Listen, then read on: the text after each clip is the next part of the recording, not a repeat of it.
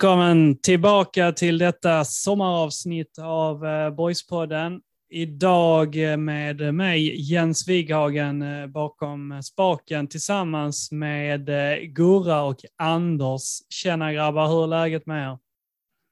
Hallå gubben, det är bra, det är bra. Bra här också.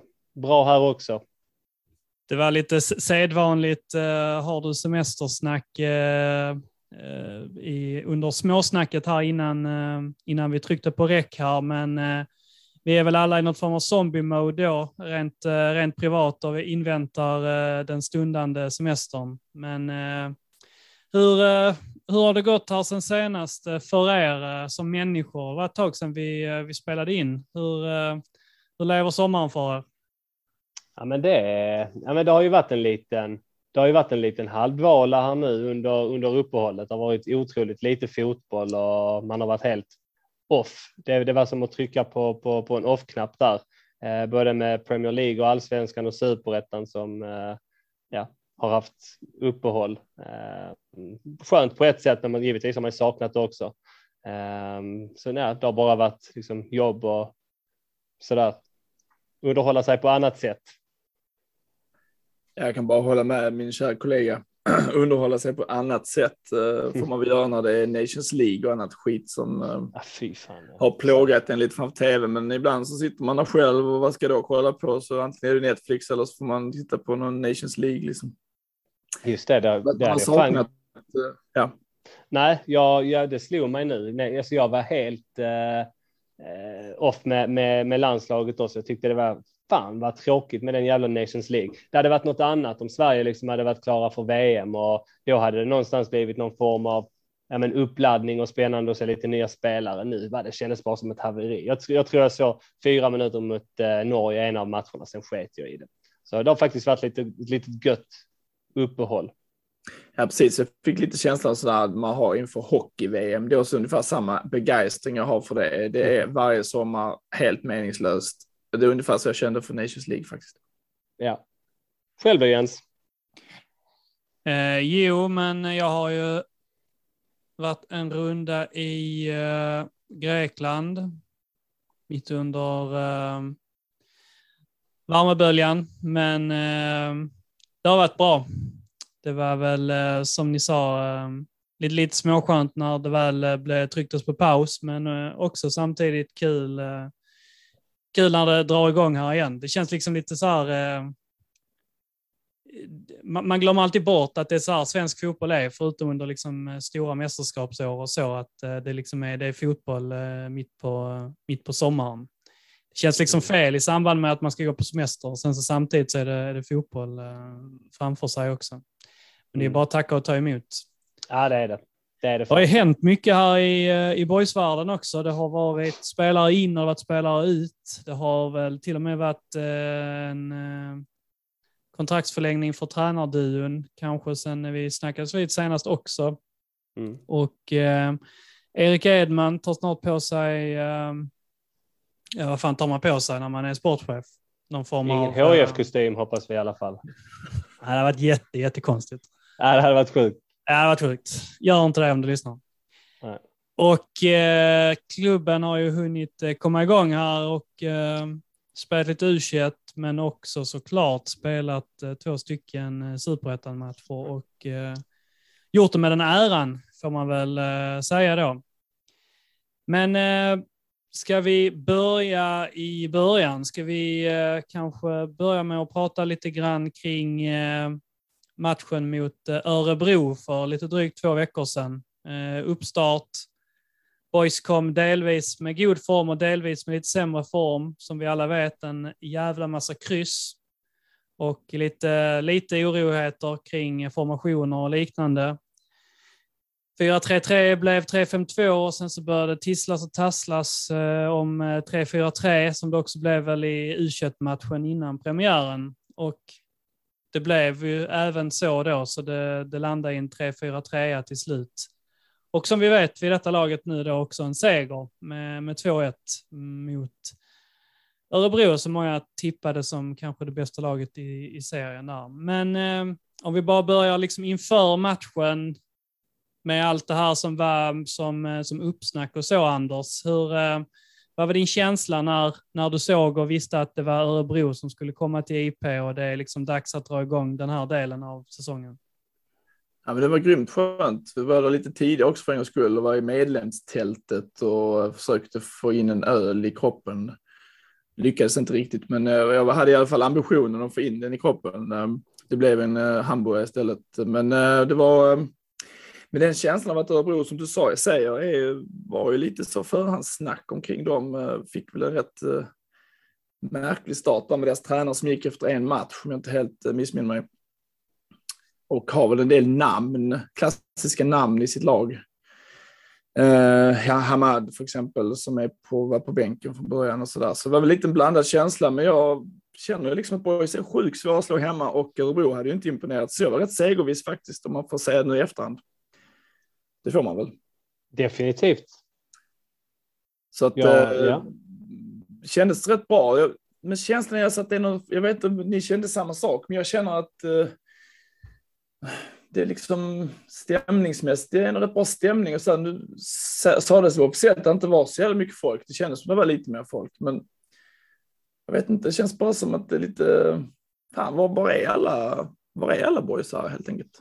Mm, det är en väldigt bra fråga. Det har varit, hela denna säsongen har fan det har varit, eh, det har inte, det har inte varit över 2000 en enda gång tror jag. Och då har det ändå funnits, jag menar, fan, alltså jag menar några gånger under förra säsongen var det över 2000. Eh, därefter pandemin. Nej, det är som att folk är helt försoffade och sitter hemma istället. Jag vet inte vad de håller på med. Och jag menar, jag menar boys som, som ändå är i superettan och gör det bra och man, man andas ändå optimism och det borde, det borde verkligen kunna pallra sig ut lite fler, fler, fler människor till IP kan jag tycka. Um, ja, det var ändå Örebro, det är inte Utsikten eller något annat träskgäng, utan det var ändå någon form av namn som kom till IP och de kom ändå med lite folk, eh, all credit till det mm, liksom. Mm, men, absolut.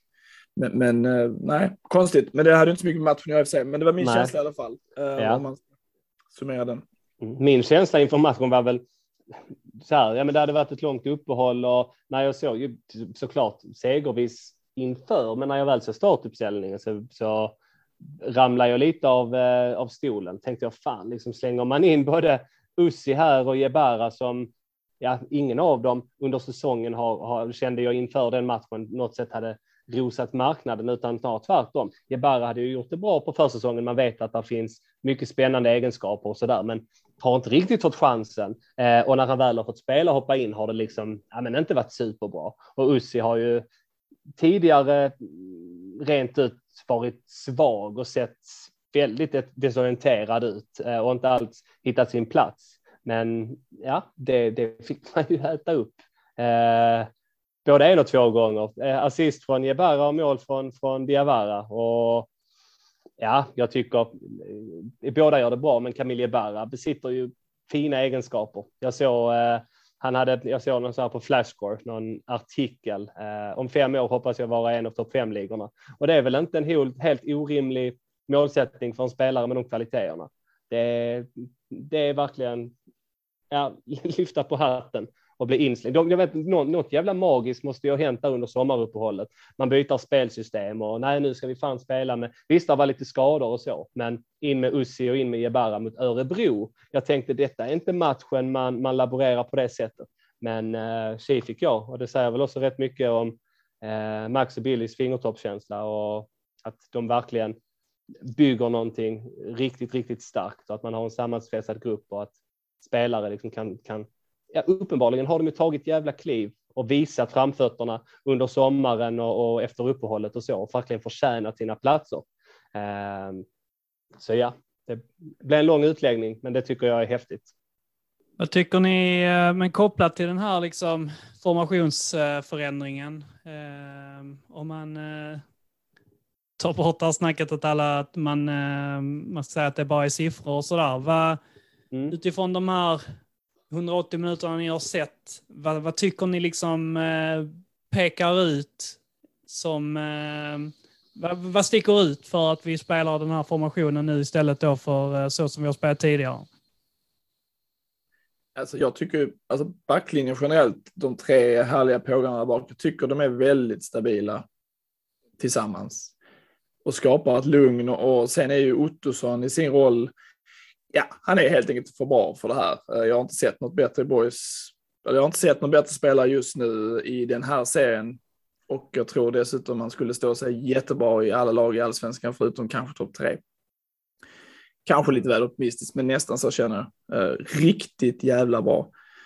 Och sen har ju våra kanter, både med Blixt och, och Strid, måste jag ju också höja, som passar jättebra den här rollen nu, förutom att han är en helt av, superdålig avslutare på sin Mhm. sista passning.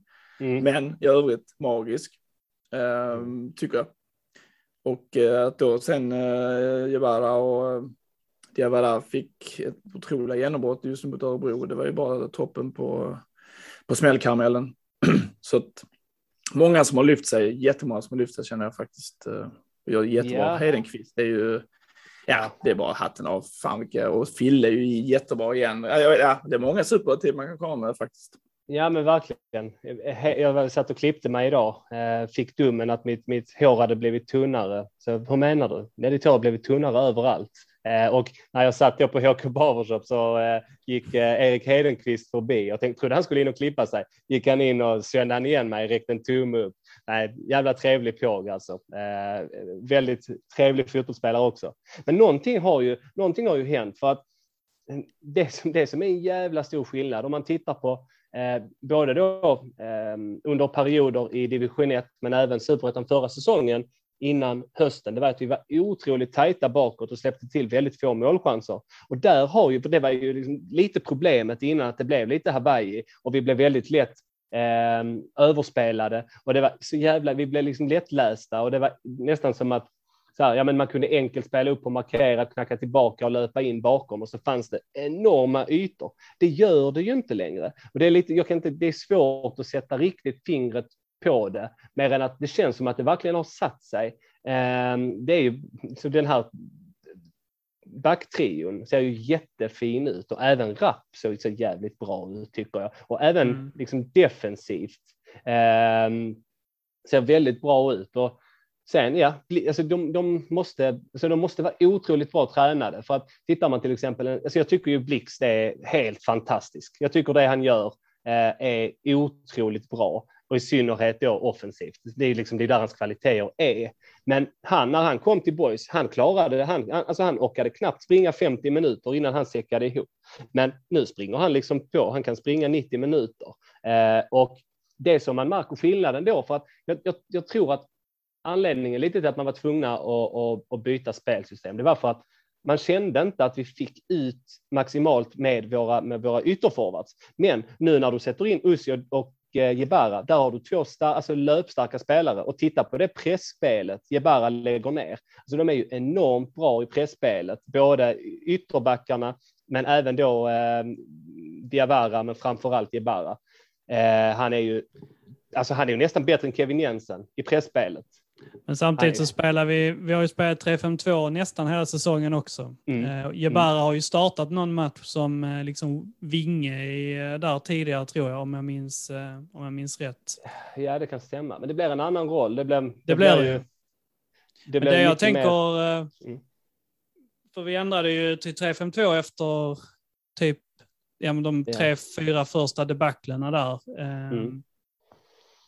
Och en del av grundtanken där och även i det gamla 4-3-3, det var ju liksom att, ehm, ja, men att vi nog kände att man, man har en väldigt stark eh, mittfältstrio. Att Mm, man liksom precis. kände att man har Ottosson, Egnell och Heijer. Ehm, Mm. Nu blir det ju så liksom att du, du spelar bara med två innermittfältare i, eh, i det här systemet. Så att Mm. det är ändå lite talande att man kanske ändå tänker att ja, men här har inte varit så bra som man egentligen trodde. Det är liksom, det kanske inte lönt att skräddarsy systemet, att kunna få in honom också just på innermittfältet. Du kanske lika gärna kan få in honom på, som en ytteranfallare istället, som det nu blev eh, senast till exempel. Sen så Mm. blev det också nu, vi ändrar ju till 3-5-2, men vi har egentligen inga forwards eh, som liksom kan lira lira i par. Vi har ju Persson, nu ska Linus R. Olsson bli skadad, eller är skadad igen. Ehm, Mm. Förutom det så har vi testat med, med Sabic och det har ju liksom varit okej, men det är ändå liksom, han är ingen anfallare på det, på det viset. Nej, det är han inte. och Usman hamnar väldigt mycket felvänd när han spelade i, i, de, i de rollerna och så. Så att det Verkligen. fanns väl en del saker som liksom gjorde att det blev eh, naturligt att testa det här. Eh, Precis. det är ganska Ja. ovanlig formation eh, egentligen, om man kollar liksom runt om i fotbolls-Europa och så också. Eh, Mm. Det är väl en eh, Sednek Seman-grej, tror jag. Den, den kan ju vara ultraoffensiv om man vill. Mm. Det jag har tänkt på, det jag har sett mycket är ju att, eh, och du var inne på det innan också Gurra, att det är väldigt tydligt när vi försvarar så spelar vi i princip 5-4-1. Så att Ja, då, går, ju- då precis. går ju Strid och Blixt ner och spelar i princip ytterbackar. Ja, och- det är det de gör. Och så går Jebara och eh, Diawara ner och spelar liksom egentligen yttermittfältare i en fyr, ett fyraman mittfält. Och så ligger, eh, eh, ligger liksom anfallaren kvar ensam. Så Mm. skillnaden där blir till exempel om du, när du försvarar på egen planhalva i ett 5-3-2, då ligger du oftast kvar med två, ja, med två anfallare som lite grann ligger och lökar i mitten. Eh, och så kan du hålla dig runt dem istället.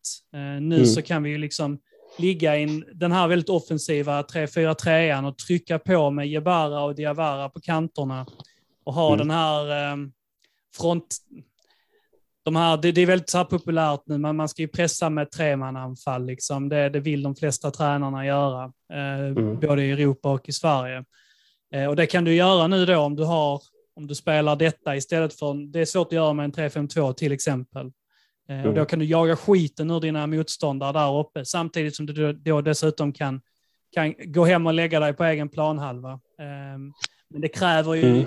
Kräver ju lungor Mm. in i helvete på, Ja. eh, på, på, på både då ytterbackarna och yttermittfältarna, eller vad man ska kalla dem, Precis, det gör det. och, eh, på ytteranfallarna så, för att de får i princip täcka två positioner i 90 Ja. minuter. Och det är, ju det, de- det är ju det de har satt. Det är därför vi blir så tajta defensivt. Det är ju därför vi blir så svåra att få hål på. För att innan har inte den synken riktigt funkat. Nej. Och, och liksom, även då om man har tänkt att vi försvarar med fem man så har vi inte riktigt försvarat med fem man för att det har varit knepigt i utgångspositionerna just med, med våra då, eh, wingbacks. Eh, och, liksom, och så har vi inte haft någon som har kunnat täcka för att de har varit så höga. Så har det blivit så stora ytor och nu är det ju precis som att nu försvarar vi verkligen med fem plus då eh, centrala mittfältare plus våra Eh, alltså ytteranfallare, precis som du säger. Så det blir ju omöjligt att ta sig förbi. Alltså vi, där har vi varit väldigt starka. Eh, och sen så, sen har man ju, vet, det har ju aldrig varit problem offensivt egentligen sen vi ändrade, förutom Örgryte där vi fick maximal utdelning. Men sen har det ju successivt blivit bättre och offensivt har vi varit väldigt bra. Men det man märker ganska tydligt är att Rapp får i, i, liksom i det offensiva spelet får Rapp en ganska fri roll på sin liksom mittbacksposition och tillåts att driva upp och hitta lite svårare passningar. Eh, så där, och där, det tyckte jag man såg eh, delvis där mot Dalkurd och även mot Örebro, att där tillför han något också. Så som han, han tillför en dimension där också. Men det är jätteintressant och det är fan vilken jävla vetenskap med fotboll och för det, som liksom du säger, det kan tyckas vara en, en lek med siffror, men nu har man ju lyckats sätta någonting som ser riktigt, riktigt bra ut. Och ja, Robin Sabic kommer inte ta tillbaka den, den platsen eh, på långa vägar. Det kommer han inte. Helt annan spelstil också. Eh, bättre kanske som inhoppare, men Jebara med, med det pressspelet och de lungorna och den arbetskapaciteten. Eh, det, blir, det blir svårt att, att peta. Det känns ju också men- kanske ja. som att en del av eh, det här, en sak vi har eh, saknat eh, eller inte varit så bra på egentligen under hela säsongen tycker jag att vårt djupledsspel har inte direkt varit, varit så närvarande. Vi har inte liksom kommit in bakom backlinjen och så. Eh, Nej. och det såg man, ju, ja, såg man ju direkt i matchen mot eh, Örebro att då, då hamnar vi direkt i att uh, Usman eh, lyckats komma in bakom och så får en perfekt passning av, av Ottosson. Och det, Ja. det kan ju också vara sådana såna enkla saker som liksom utgångspositioner och så. att eh, Mm. Jämför Ja. man till exempel med 3-5-2an, att kunna få en av dina vingar där, dina wingbacks, liksom att komma i den djupledslöpningen, ja det är nästan omöjligt. Eh, Mm. Och dessutom har du ingen anfallare som kommer komma till själva avslutet och så sen. Så att där blir frågan då, var ska den passningen komma ifrån? Till, eller var ska den löpningen komma ifrån? Medan Mm. i de här 3-4-3 då som vi spelar i nu, ja men de blir ju i princip som handbolls liksom ytterspelare då, att liksom är det kontringsläge så är det fan, det, det är bara att sticka liksom, för man har bara en Kolla. uppgift. Precis, kolla. Alltså det målet är ju, det är ju rätt häftigt för att den löpningen Diawara tar, han tar ju en löpning från sin vänsterposition in centralt bakom backlinje. Han är ju helt fri där, fluktuerande i sin roll och Uttu ser det. Och där har vi inte riktigt haft folk som har löpt innan heller. Det har kanske inte varit Erik Perssons och Elaros styrka att löpa Nej. djupet. Nu har vi två spelare som verkligen kan och det blir ju svårt för motståndarna också när, eh, när man kan byta lite positioner. Tänker jag. Ja. Men jag, men jag tänker på det ni sa om eh, eh, försvarsspelet där. Det finns ju återigen den här känslan av att det finns inga gratisluncher. Det finns givetvis en, eh, en baksida av att vi blir så pass låga. För att man såg efter 20 minuter mot Örebro, helt plötsligt så kommer vi nästan inte ur eget, egen planhalva. För alla är bakom boll. Och i och med att vi ska spela oss upp så finns det liksom, ibland vill man ha den här lite slå, slå iväg den så att säga och få lite luft. Och då är det ju ingen där uppe som, och då är det bara till att fortsätta bara anfall. Alltså Örebro pressar ju rätt kraftigt och Dalkurd gjorde samma sak efter typ 20-25 minuter. Det blir lite Mm. svårare Mm. att komma ur det så att säga, om, om ni förstår vad jag menar. Jag, jag tycker det i alla fall, eh, när vi blir så pass försvarsstarka. Så vet, de skapar inte så mycket, men vi får långa perioder av att det känns som att shit, nu börjar de att spela ut oss. Det gör de ju Jo, det, nej, det, ja, det har du rätt i. Det, det har du ju förvisso rätt i och där var ju, det, fan, man är så jävla glad och så här, det blir lite att man glamoriserar de här vinsterna för det var så mycket bra. Men det är som du säger, det var tuffa perioder. Mot Örebro var det ju väldigt tydligt eh, med en lång period på 25 minuter där vi var väldigt tillbakapressade. Eh, där det då dessutom kommer ett mål. Samma mot Dalkurd. Det är, ja men, Boys var inte skitbra och vi hade ju lite tryck mot oss där också. Um, så ja, frågan är hur man ska göra för att liksom komma ur det greppet. Och just eftersom det är en så pass krävande fotboll vi spelar och dock, det kan, det kan nog säkert vara jävligt tufft att kunna göra det där lilla extra och lösa upp de knutarna när man löper så mycket. Det kanske då blir en, en konsekvens av den här spelstilen. Jag vet trots att de uppenbarligen är väldigt vältränade. Ja, eller vad, vad säger ni? Jo, känns. men så är det ju. Och det, det är sånt som kan... Eh,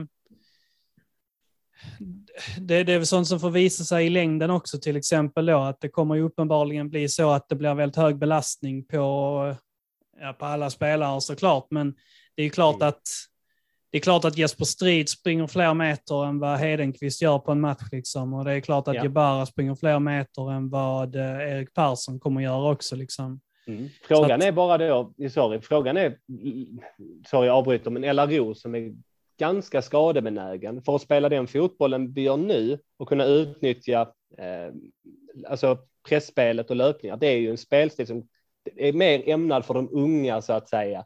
Det är en ganska slitsam spelstil. För Erik Persson, ja han är Mm. nia, han behöver inte löpa lika mycket, precis som centrala backar. Men de andra positionerna är ju väldigt utsatta.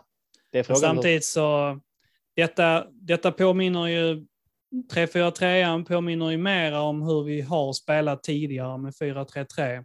ja, Det det ska man ju komma ihåg att då gick vi ner och spelade 4-5-1 när vi var ur, ur possession, liksom, när vi hamnade på Mm. e- i egen planhalva.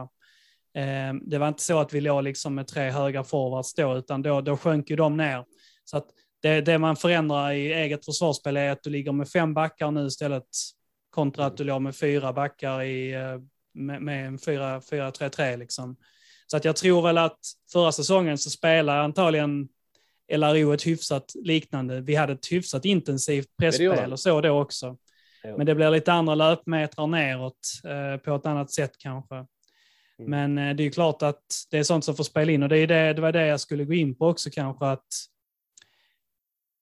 det, det sätter ju krav på alla spelarna som ska spela på de positionerna också att man liksom eh, man måste kunna liksom man måste kunna lägga ner den typen av spel för att kunna göra det. Det är säkerligen en av anledningarna till att till exempel eh, Sabic inte fick, eh, fick chansen här. Att eh, de till exempel anser att man får ut ett, en bättre arbetsinsats av Jebara. Mm. Sabic hade ju ganska stora problem till exempel med försvarsspelet i början av säsongen vet jag när han spelade i, alltså när han spelade i sin ytter, ytteranfallarroll. Då blir det lite grann samma igen då. Det, ja, man får ju se då nu för att det kommer ju antagligen bli så att de spelarna tar ju slut sig själva på ett annat sätt. Ehm, och det kommer kanske komma skador och så vidare med mm. vad tiden leder.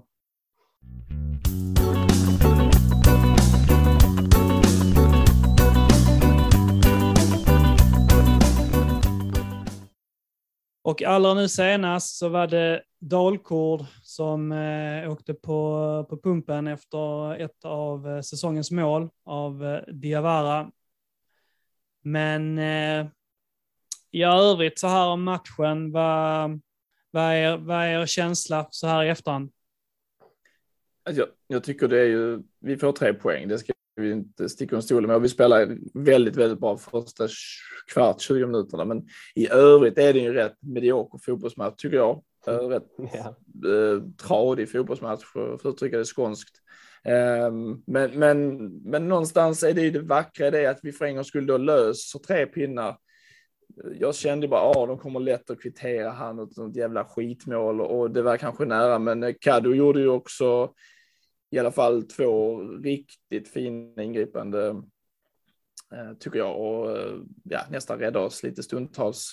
Men mm. vi blev bleka, mittfält blev blekt, faktiskt till och med Ottosson försvann tycker jag i matchen.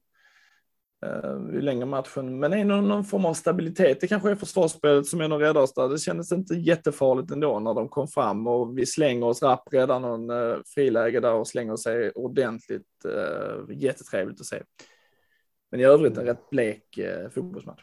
Ja, men det var det. Det var det. Men jag hade, hade farsan över på besök liksom och det blev, ja, nej, det blev mer snack än, än fokus på matchen emellanåt. För det var, ja, det var inte superbra. Men eh, återigen, fan vad starkt att kunna ta med sig de tre poängen. Och precis som du säger, jag var helt säker att ja, ja, okej, okay, nu har vi tagit ledningen, då kommer vi släppa in ett mål. Eh, men att ändå rida ut den stormen och stå upp så pass bra trots att vi inte spelar bra. Det här, ja men nu är det ingen som tänker på, på det här bortaspöket. Det, det satt ju hårt. Nu är det ju fan som bortblåst och, och vara så starka på bortaplan. Det är riktigt, riktigt, riktigt bra måste jag säga och skönt att slå ett lag som ja, men vi förväntas slå som ligger under oss som vi och hålla dem bakom sig. Matchen, nej, det var väl, var ju, det var förvisso ett drömmål av Ussi, men eh, det är väl det enda man tar med sig.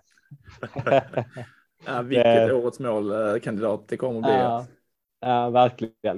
Uh, ja, det var bra. Det var alldeles rätt att domaren.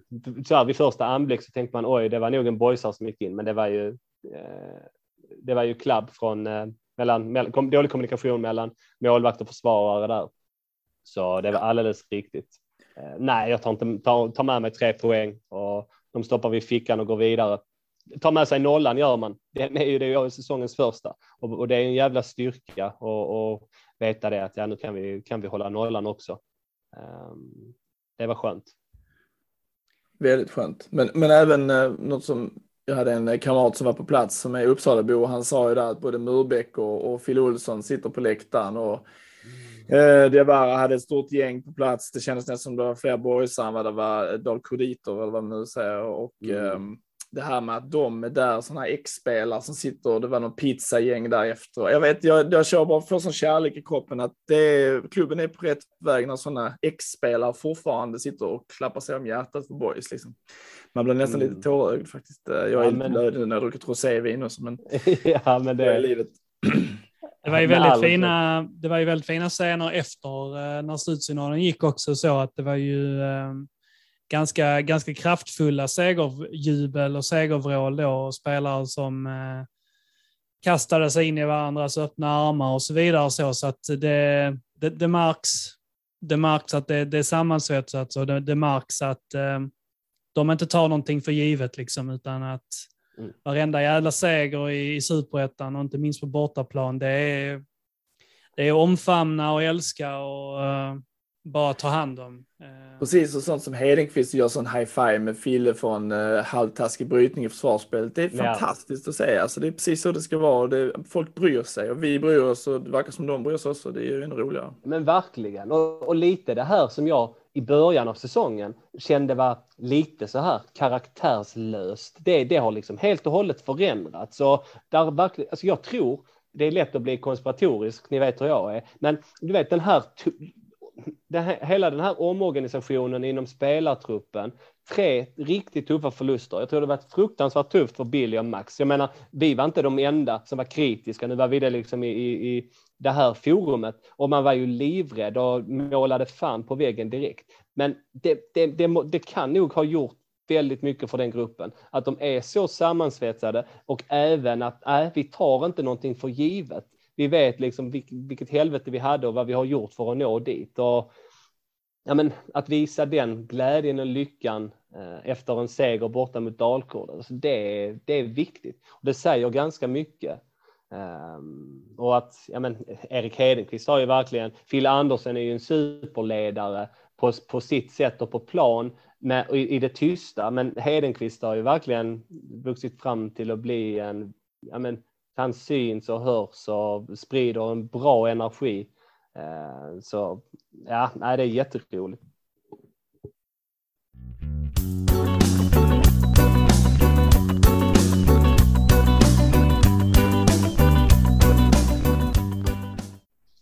Men det har ju hänt eh, en hel del eh, utanför planen också. Jag är egentligen inte helt säker på hur vi ligger till tidsmässigt här, men jag nämnde det i början där. Men eh, det blev nya kontrakt till, eh, till Billy och Max. Eh, de förlängde. Spontant är det något, har ni någon speciell åsikt eller tanke kring det? Ja, Är det, det bara väl- checka av och gå vidare eller har, har ni någonting att... Nej, men det är det väl och de har ju Uttrycka. verkligen, verkligen, verkligen visat.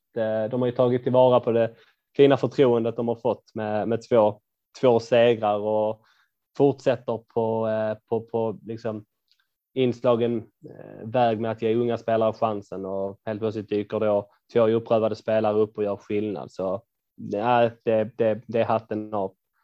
Check. Jag tycker lite som du går där. Så länge det finns spelare som gör de där kliven under deras ledning så att säga så tycker jag och det gör de ju. Det finns ju spelare som utvecklas i vår trupp. Och, ja, jag kan inte se någon anledning att skifta. Kontinuitet eh, är väl inte många lag som har i världen så att eh, varför skulle det, det vara dumt så att säga. Det är bara till att jobba på så länge det går bra. Absolut.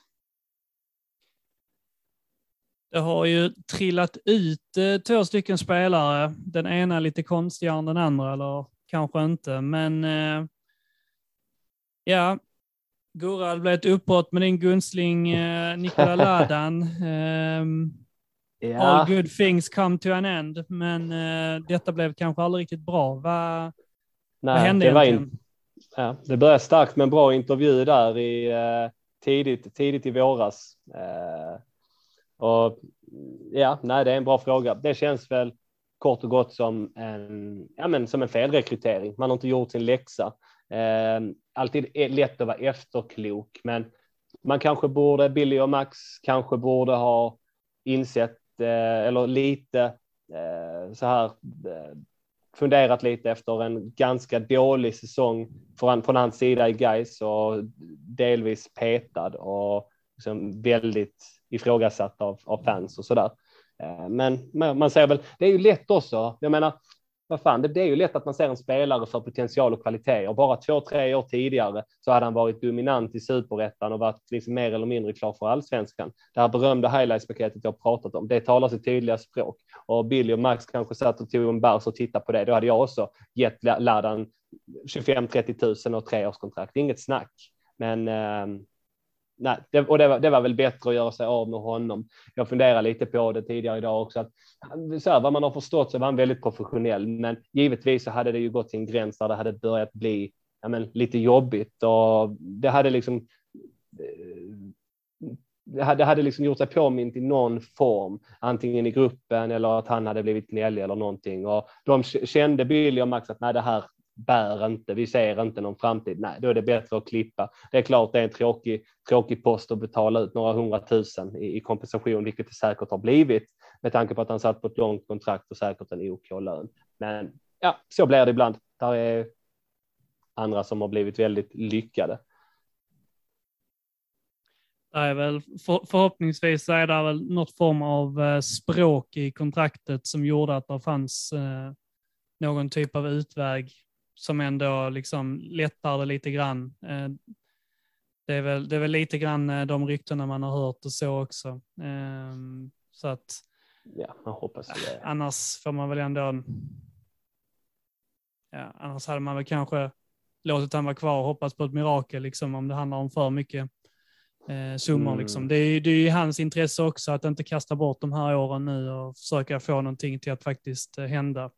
Så Men, är eh, det. Så är ja, det. alltså, det är ju en krasch av eh, sällan skådat slag som, eh, Mm. som, eh, som sker med hans karriär. Eh, så eh, Ja, men det är det verkligen. Nej, nej, så är det. Men samtidigt, vi säger att eh, önsketänk att han har fått en, en hundring i avgångsvederlag och sen så, ja, som en god liten sommarbonus och sen så söker han sig vidare till någon annan klubb. Vi blir av med honom, slipper den huvudvärken, kan fokusera på dem som verkligen, eh, som vi verkligen ska. Det, det känns, är det så det har varit så får man väl ändå anse det vara en ganska vettig lösning. Det är liksom, ja, det är bara till att gå vidare.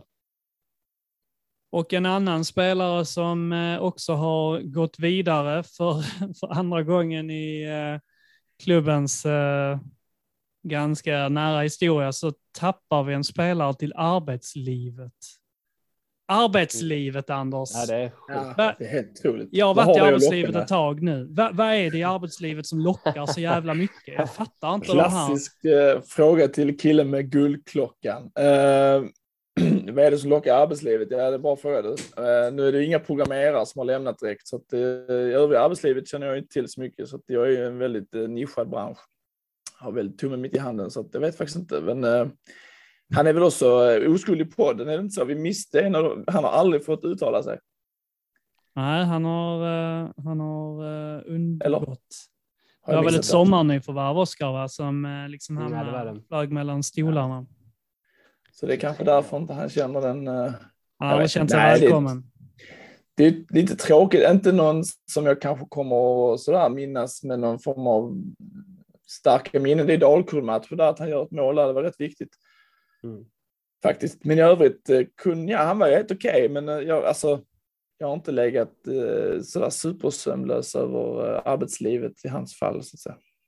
Nej, Nej det, det är märkligt ändå, men så är han någon form av så här, egenföretagare. Jag förmodar att det är väl inte så här. Eh, han, han slutar väl inte för att påbörja något VIK som någon elevassistent eller någonting. Det känns väl. Nej, han, eh, han var utbildad eh, typ eh, inom ekonomi eller något sånt, så att han hade Ja. något, eh, någon form av helt okej tjänst, eh, tyckte jag så Controller. fladd, Alltid fladdra förbi. Mm. Vad sa du? Alltid Controller. controller. Det är Alltid det controller. controller. folk säger. Alla jobbar som controllers. Ja, men det är jävla märkligt. Det är tidig ålder. Alltså, de, han måste ju ha 23, känt? 23 bast, ja. Alltså, och han har ju ändå haft en, du vet, spelat lite eh, så här ungdomslandskamper, spelat i allsvenskan med Halmstad och ja, men då den säsongen han kom, han, hade, han gjorde väl ändå en 5-6 mål och gjorde det bra. Och, visst, förra säsongen var inte superbra, men, men alltså tillräckligt bra ändå för att vara med och konkurrera, känns det som. Och Ja, alldeles för, ja, alldeles för ung för att sluta spela. Alltså, Alltså, då, men en, han kanske ja, är ja. trött på det. En skadefri, en skadefri OP hade ju liksom spelat massvis med minuter den här säsongen, alltså utan Absolut. tvekan. Han är ändå ja. en spelare som man har känt lite grann att så, ja, men när de här dåliga insatserna har, när, när det liksom inte riktigt har lyft för Sabic och Mm. för, för Jebara tidigare och liksom Li, Linus varit skadad. Så det, man har ju saknat de här tre plus-insatserna av OP där, eh, där han gör det han ska göra, men kanske inte mycket, my- mycket, mycket mera. Men det är Mm. väl, jag tyckte inte det rådde några stora tvivel om att han är en kompetent spelare, men antagligen så kanske han Absolut. också saknar lite för att kunna bli en, en, en kompetent allsvensk spelare. Skulle väl kanske Precis. uppskatta att hans nivå låg ungefär på den nivån han befinner sig på. Mm. Ehm, Och där kan jag väl i och för sig fatta, för att OP var ju en... Alltså, om jag fattade rätt så var han ju en väldigt eh, liksom, uppskriven ungdomsspelare. Han har gjort jätte, ja. jättemycket ungdomslandskamper, eh, framförallt i liksom åldern 17-18. Eh, kan till och med varit så att han har varit iväg på liksom något mästerskap och hela den biten. Mm. Eh, och liksom varit molded i eh, liksom Halmstads mylla och kommit upp i ett allsvenskt lag och hela den där biten. Så där. Och har ju antagligen blev proffs i en tidig ålder, eller hur man ska säga. Liksom. Men mm. sen så blev det kanske aldrig så mycket och han, man märker kanske också medvetet eller omedvetet att ja, det var mycket roligare när jag var 17 och spelade i landslaget. Liksom. Det är inte lika kul. Och var dominant. Att, ja, det är inte lika kul att möta Kviding i division 1 eller att möta Dalkurd i superettan. Liksom. Så att man, man blir kanske lite hemmablind mm. och tycker ja. att det, det är kanske ett kul att klättra upp på sin controllertjänst på något Alfa Laval systerbolag. Ja, ja alltså, och sen om man får, om man får liksom spekulera lite så vet man ju inte heller Eh, jag menar, det kan ju, jag såg det, han gjorde, vad var det, 17 eh, eller 19 U-kamper, U17 och så några U19. Och det kanske kan ha varit så att ja, men, han har varit väldigt uppskriven, haft en väldigt stor press och förväntat sig att han skulle bli något och sen att man känner att liksom, det blir nästan en börda eh, Eh, och att han inte riktigt har, att han har haft så höga krav på både på sig själv och kanske även från sin omgivning och känt att det liksom det här fotboll är ju, ska ju någonstans vara synonymt med, med, med, med glädje och, och, lycka och allt det där. Och det kanske liksom har försvunnit. Jag, jag, kan inte säga att man slutar spela fotboll annars när man är 23 år gammal och är med och fightas om en plats i superettan. Ja, fan, det, det måste ni köpa. Köp det, klart, men jag vet inte vad, vad är det för skada han hade, för det låter ju som ett väldigt moget beslut att ta det, eller vad ska man säga, moget, lillgammalt att ta ett sånt beslut när man är 23. ja. Ja, det, Nej, men alltså, det, var väl inget, det var väl någonting med knät och så, men det var, det var ju inget liksom som har... Um, det är ingenting som har rapporterats som något alltså, traumatiskt eller någonting på det viset, utan det har bara varit en vanlig, jag vet inte om det var någonting inne i leden eller om det var liksom muskelbristning och så. Men ja, uh, ja det är ju det är som du säger Gurra, eller kanske då som du säger att det är som någon, någon omvänd variant av um, was this all it was, liksom. Att man, eh, att man, man får inte ihop det med hur det, hur det borde ha varit. Liksom. Fast man brukar ju, det är väl någonting man brukar applicera på Svenssonlivet i så fall, inte på, inte på att vara fotbollsproffs i, i superettan. Ehm, det är väl, ja, nu, nu ska man inte liksom, man ska väl inte, svårt att sätta sig in i Oskar Petterssons eh, huvud, men eh, utifrån, eh, jag kan bara inte se hur man några år senare kommer liksom känna att när man är en fem, sex år in i sitt arbetsliv och man bara märker, fan jag kanske skulle, kanske skulle ha gått på mina träningar istället ändå. Mm. Och då är det ju såklart för sent. Jag, arbetslivet är så långt och en fotbollskarriär är så otroligt kort. Jag förstår inte riktigt varför det är så jävla viktigt att ja, klättra på den här jävla Alfa Laval-tjänsten eller vad fan. Nej, precis, för det hade han ju gjort efter karriären om han hade velat. Och det är det som, det är det som det lite styrker min tes om att det, det måste vara att han drar sig undan. Eh, ja, tappat glädjen för det på ett eller annat sätt. Helt och den måste ju ha tvärdött. Ja. Det är klart. Men eh, ja. konstigt är det. Men... Ja, det är det fan. Hade varit är det någon där ute som vet så ja. ge oss en status på en psykisk Hur gammal var Viktor Svensson när han slutade? Han var ju runt 29 tror jag. Var han det? Var han det alltså? Så kallat lastgammal. Han är väl 91. 90. Ah, så jävla gammal. gammal. Det är sjukt. Ja. Ja, han är född, eh, han var född 90, 1990. Ja. Det är ju sjukt. Kommer du ihåg mig? Precis, men, han, eh, du han slutade ju så tidigt. Ja, men han var, det var 2019 tror jag, så att eh, han var 29.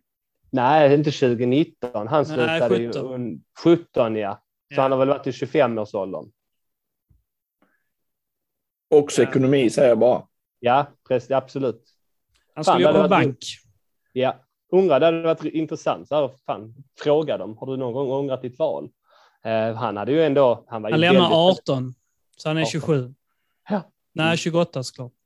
Ja, sant. Ja, precis.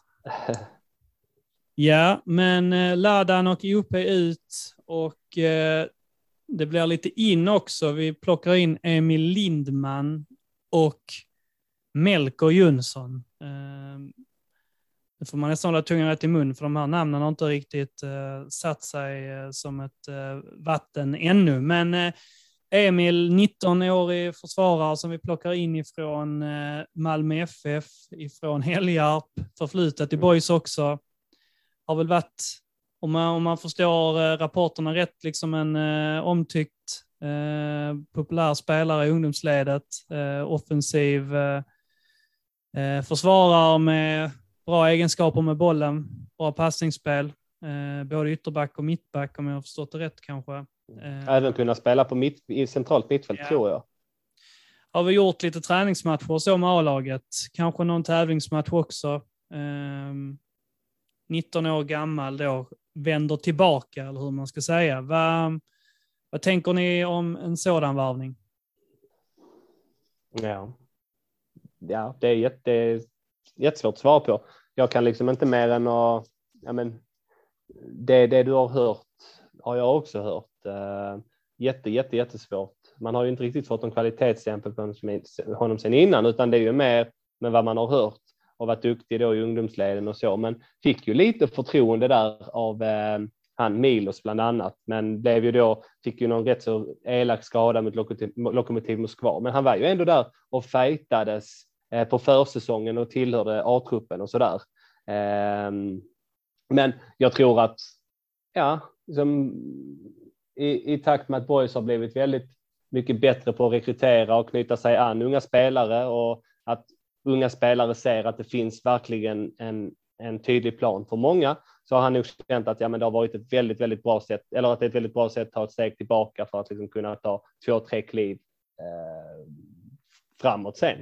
Eh, men vet jag, jag, som jag sa, jag, han gick ju på Emiliaskolan när jag jobbade där 2011 kanske. 10, 11, 12 någonting. Då var han, gick han väl så här i, i fyran, femman och spelade mycket fotboll. Jag kommer ihåg, han var liksom väldigt tävlingsinriktad och duktig, men eh, det är väl allt jag, allt jag har att säga. Ja, nej, jag, jag kan inte, jag har inga, inga, jag kan inte relatera till det riktigt ännu. Jag har inte sett honom. Jag har bara hört eh, goda ord från träningarna, men mer än så är det inte heller. Det enda Det är som man, svårt. jag, jag kan ändå tycka att det är väl ehm,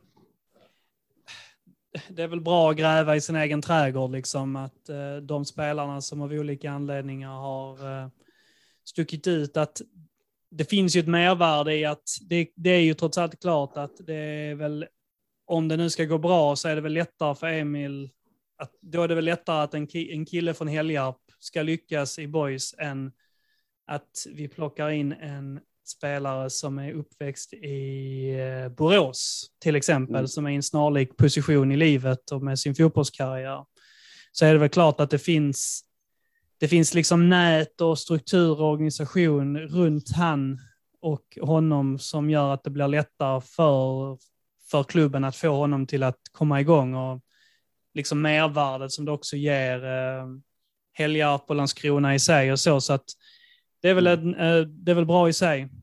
Precis Frågan så. är ju bara vad man ska, frågan är bara, det blir tufft för honom att ta en plats. Jag kan inte riktigt, så fan det är svårt att se på förhand vem, vems plats han ska konkurrera om. Alltså mittbackarna, det är, väldigt, det är ju sådana fall om man skulle gå före Vila som mittback till exempel. Eh, vi har ju Melker Jonsson är ju också mittback mer än central, även om det är där han har använts. Och ja, skulle det vara en högerback då istället för strid? Ja, ja. Det, det är tuff konkurrens, det säger jag. Känns lite baktungt eh, boys eh, på något sätt. Mm. Eh, Jag hade nästan hellre sett att vi hade haft en offensiv helhjärpare istället. Men nu Ja. är det ytterligare en lite mer defensivt lagd, spelare som Håller med. Jag vet inte, med, med tanke på, som sagt, vi snackade om innan med skadehistorik på kanske till och med Erik Persson får räknas som skadebenägen och LRO. Och sen är det då Tsabic, Jebara och eh, vad heter han, Diawara, Diawara. Mm. eh, aktivt på topp kvar lite. Om inte Heijer ska bli någon form av ytterspringa eller ytterforward. Men det känns lite tveksamt tycker jag. Men jag, jag vet inte. Ja, med eh, vi känns eh, väl, väl bestyckade där bak i alla fall, så kan jag säga. Mm, det gör vi.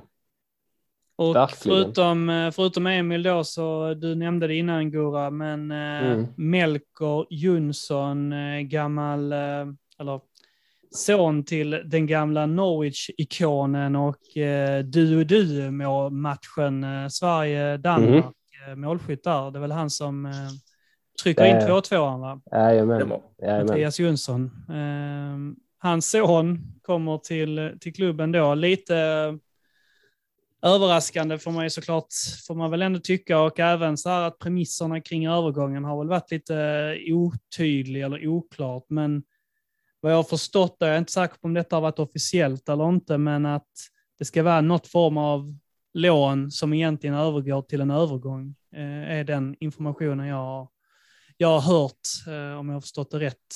Sen så har det Så har jag också förstått det Ja. faktiskt. Men eh, ja, en spelare som trots allt kom med goda vitsord ifrån Djurgården. Men förutom det så är det såklart väldigt svårt att säga så mycket kopplat till, till inhopp och så vidare. Men vad, vad är känslan så här långt?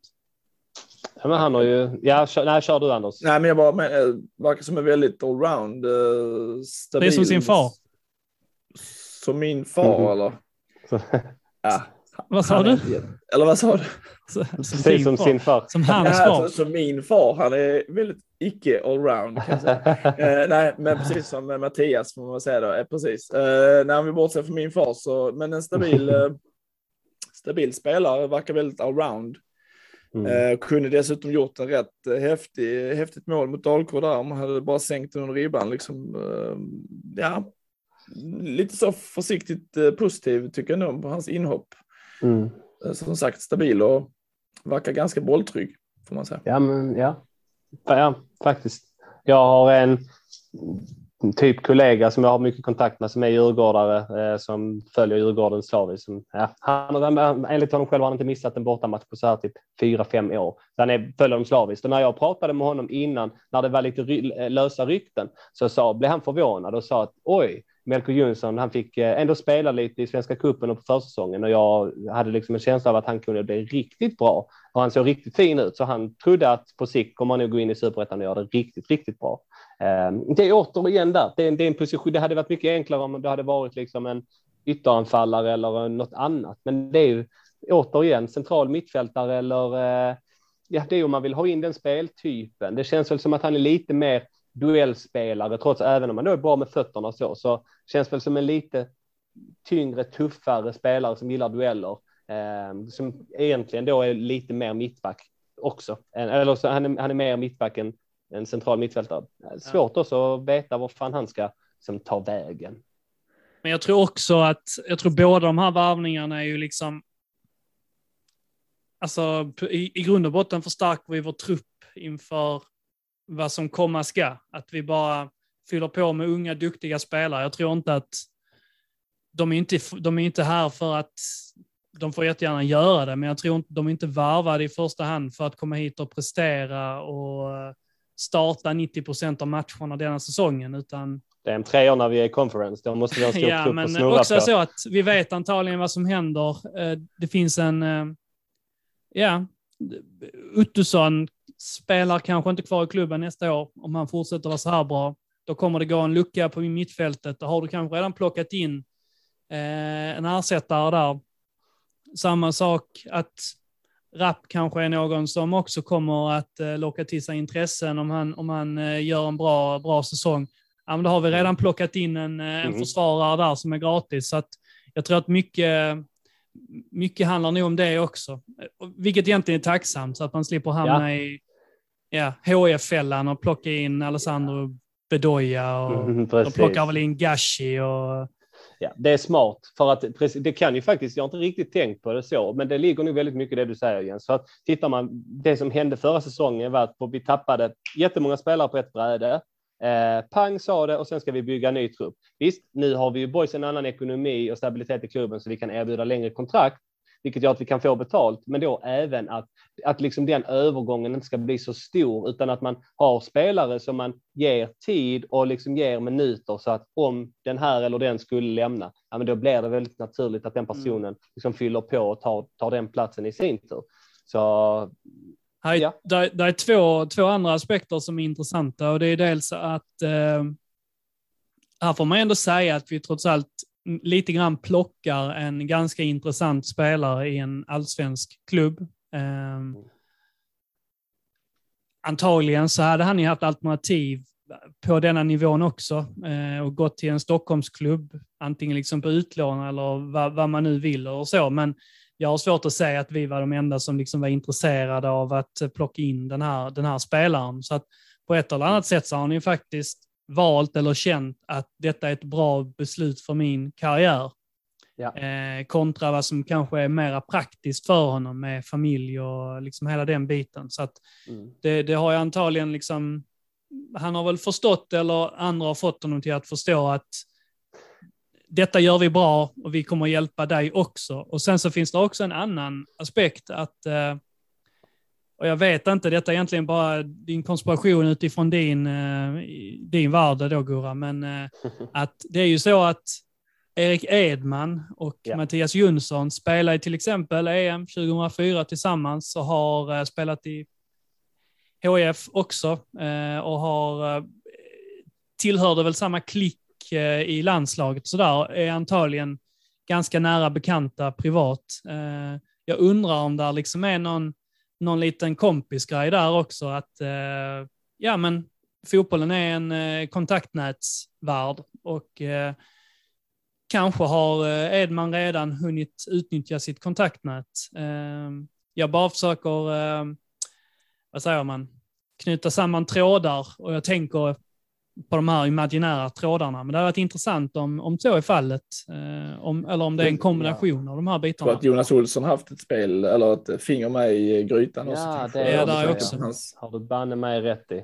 Det, nej, ja, det ska jag skulle lyfta det igen, så jag tycker inte den är på något sätt långsökt, utan eh, och det tänkte jag fan inte på, men det har du nog helt rätt i. Jonas Olsson, både Erik Edman och Jonas Olsson har nog varit stora faktorer i att, eh, Eh, eller, ja, i att lyckas ro hem den här lösningen. För att precis som du är inne på Jens, så vad, jag har förstått, vad man har förstått så har det funnits intresse och det är rätt så. Jag menar, fan, det är ändå rätt många mil han flyttar söderut, flyttar från familj och, och vänner och allt, liksom hela hans uppväxt och trygghet bara lämnar han när det ändå finns så pass mycket valmöjligheter. Så det har nog varit väldigt, väldigt genomtänkt både från Melkers och Landskronas sida.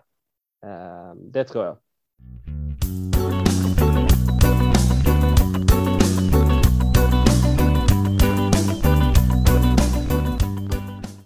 En vecka till match eh, när vi sitter här idag. Eh, Halmstad hemma, inte att eh, blanda ihop med Halmstad borta. Det kommer bli en helt annan upplevelse. Men först så är det Halmstad hemma. Eh, som sagt tisdag nästa vecka. Eh, vad är känslan inför den matchen? Om vi pratar lite grann om startelva och hela den här biten. Vad, Halmstad har gått ganska bra, ser väl ut att vinna nu ikväll vad jag, vad jag kunde se. Vann med 3-0. 3-0. Vad känner vi? Det är en ganska tuff match på förhand. Helt klart. Jag såg lite av Halmstads senaste hemmamatch. De mötte ju Trellehulla hemma. Förlorade med 2-1 och eh, ja, lite grus i maskineriet kanske ändå. Trelleborg eh, hade väl lite flax, men ja, Halmstad är ju kanske seriens bästa lag förmodligen. Eh, Mm. Det säger väl tabellen också kanske. Men äh, återigen, boys hemma. Ja, se upp Halmstad. Ni får fan svårt att hämta hem äh, tre pinnar här. Så jag tror, ja, jag ser ganska segerviss igen faktiskt. Jag tycker vi är inne i ett jäkla bra teamflow. Så, äh, och så kommer väl, äh, vad heter det, ja, får se vad vi ställer upp med för lag, men äh, några större förändringar tror jag inte det blir. Phil Andersson är avstängd. Eh, Okej. Mm. Så där ska Mm. du in antingen, eh, antingen Vilas eller eh, Jonsson. Lär det väl. Ja, det hade varit jävligt kul att få se Jonsson i den matchen faktiskt. Japp. Eh, Det, det, det tycker jag. Det, det Det känns väl så. att han ligger före Vilas nu. Jag ser Ja. Vilas har halkat lite utanför äh, gänget känns det som. Ja, men det känns det som. Det blir nog snart också en. eh, större grepp på, på det civila kanske. Vem vet? Nej, men det, det tror jag. Jag tror definitivt att Melker Jonsson ligger eh, nära till hans där. Eh, Erik Persson tillbaka och nej, boys kommer nog fan vinna. Vad tror ni om eh, Melker här? Han eh, var ju avstängd första matchen eh, efter uppehållet mot Örebro. Mm. Inga stora förändringar efter den segern där, så han får börja på bänken, kommer väl in som ytterforward, vilket han har spelat lite grann i början av sin korta karriär och så, så att han är ju inte bortkommen där. Men eh, får han finna sig i att han just nu inte startar längre?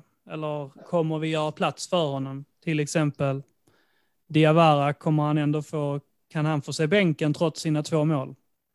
Ja, det är frågan. Jag, och jag tycker ju, alltså Melker, Melker Heier ska ju spela. Det, det, blir, det blir lite problematiskt nu med den nya formationen. Innan när vi spelade 4-3-3 så var det ju tre centrala mittfältare inom mittar. Nu är det ju Utto och Egnell. Så där är ju egentligen bara två platser på det centrala mittfältet att slåss om. Och man har väl tyckt att den dynamiken är ganska bra. Med eller Filip Ottosson petar du ju inte. Och ja, Egnell, den är, den är väldigt tuff. Jag tycker ju här och skrin Återigen en jättesvår konkurrenssituation. Det är mycket lättare på tre manna mittfält. Eh, sen det är synd, han drar ju liksom straffen över och så. Och man ser ju, alltså någonstans vet, det är ju ganska, det är bara liksom två minuter från det att han missar straffen till att vi, domaren blåser av. Men man märker ändå att fan, han är liksom lite tyngd och lite besviken över den straffmissen och kan inte glädjas på samma sätt. Eh, alltså, och det, det fattar man. Det, det menar man grämer sig över en straffmiss. Men jag tycker det är synd. Alltså, ja, Melker Heier måste in. Han är ju så jävla bra. Han har, blivit, han har inte varit lika bra som förra säsongen, men han har ändå tagit för sig blivit bättre. Innan uppehållet gjorde han ju något riktigt sjukt mål och verkligen ja, men, hittat självförtroendet och, och kunnat lyfta de egenskaperna som, vi, som han har gjort sig känd för under den förra säsongen. Så nej, ja, det är möjligt att han får börja kvist mot Halmstad, men på sikt så ska han bara in i den startelvan. Så är det. Kan man eh, få en gissning på ett slutresultat? Anders, vad, vad tänker du? Uh, nej, men jag tänker det vore ju så dumt om man är dum med boys. De senaste uh, matcherna har boys stått över tre gånger pengarna i alla matcher, vilket har gjort min uh, mm. lilla, lilla, lilla oddskassa lite, lite, lite större. Men mm. jag tycker väl att det är fullt rimligt med en klassisk 2-1 på IP. Det är väl det tipset jag kommer. Ja, samma här, 2-1 en eh, Baffu på straff och sen så ja, två kassar från boys. Nej, den känns. Baffu den känns, på straff. Baffu på straff. Han tar straffarna i Halmstad. Ja, ja. ja, ja. Gjorde straffmål idag. Rolig, uh, rolig Baffu på straff. Ja. Det kom väldigt spontant. Det, det, ja, den hade du suttit slipat på. ja. 2-1. Vad tror du Jens? Eh, då... Um då får jag väl vara cynismen i gruppen och säga att jag tror det blir 1-1. Ja, det var Men att vi sagt. förlänger vår förlustfria svit Mm. och gör oss redo för Halmstad borta istället. Fint. Men mer om det i en annan podd. Mm. Bara ingen vi glömmer, vi får ju nämna ändå en eh, Häggdals minsta att han skrev kontrakt. Det är rätt häftigt. Jag växte upp i Landskrona där det fanns Häggdals biljard och tv-spelaffär, om ni kommer ihåg det. Nej. Nej. Okej, okay. Ja, men då eh, släpper vi den. Men alla äldre som lyssnar på den vet att man kunde spela biljard mm. på Häggdals tv-spelsaffär. Uh, ja, det var det jag ville säga om det. Och de är släkt helt enkelt. Vad det, är, det, är, det, så han tillhör den familjen? Ja, precis. Häggdahl-familjen. Ja, som spelar ja, boys, Jörgen och Magnus är de båda två. Det är häftigt. Bröderna Häggdahls. Ja. Han Alec eh, Erlandsson eller vad han heter, han är väl också, är inte han tillbaka eller? Jo, inget nytt om hur det blir med hans kontrakt. Han tränar med boys men helt enkelt. Jag undrar hur bra han är. Ännu en back, vi bara maffar in eh, Han kanske står där mot Halmstad. det hade varit fint. överraskande. Ja. Man vet aldrig. Ja. Nej. Nej, precis. Ja, men killar, det har varit ett uh, nöje Anders, du får gå och sova av dig i roséruset och Gurra, du får gå och duscha eller något. Mm. Jobba på, på nytt hårfäste. Ja. Det finns, eh, finns lösningar på sånt nu för tiden. ja, det sänkte mig nu ja. så här inför semestern. ja. Men, och byta, byta, byta frisör. Ja, det får man göra. yes. Men okay. Tack för den här eh, stunden killar och tack till er som har eh, lyssnat. Vi hörs eh, igen. Du kan luta dig tillbaka. Du kan drömma lite grann. Som om Gud var lika randig han som boys. din sida. Dröm om röken från Olympia om hela skiten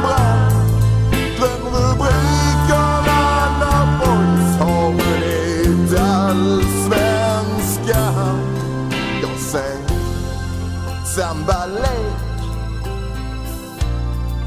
varm och het. Jag ser grym överlägsenhet. Ja, du ser väl det själv. Vilket underbart lag.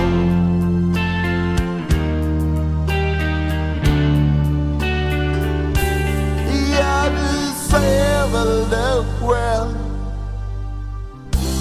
Vilket underbart lag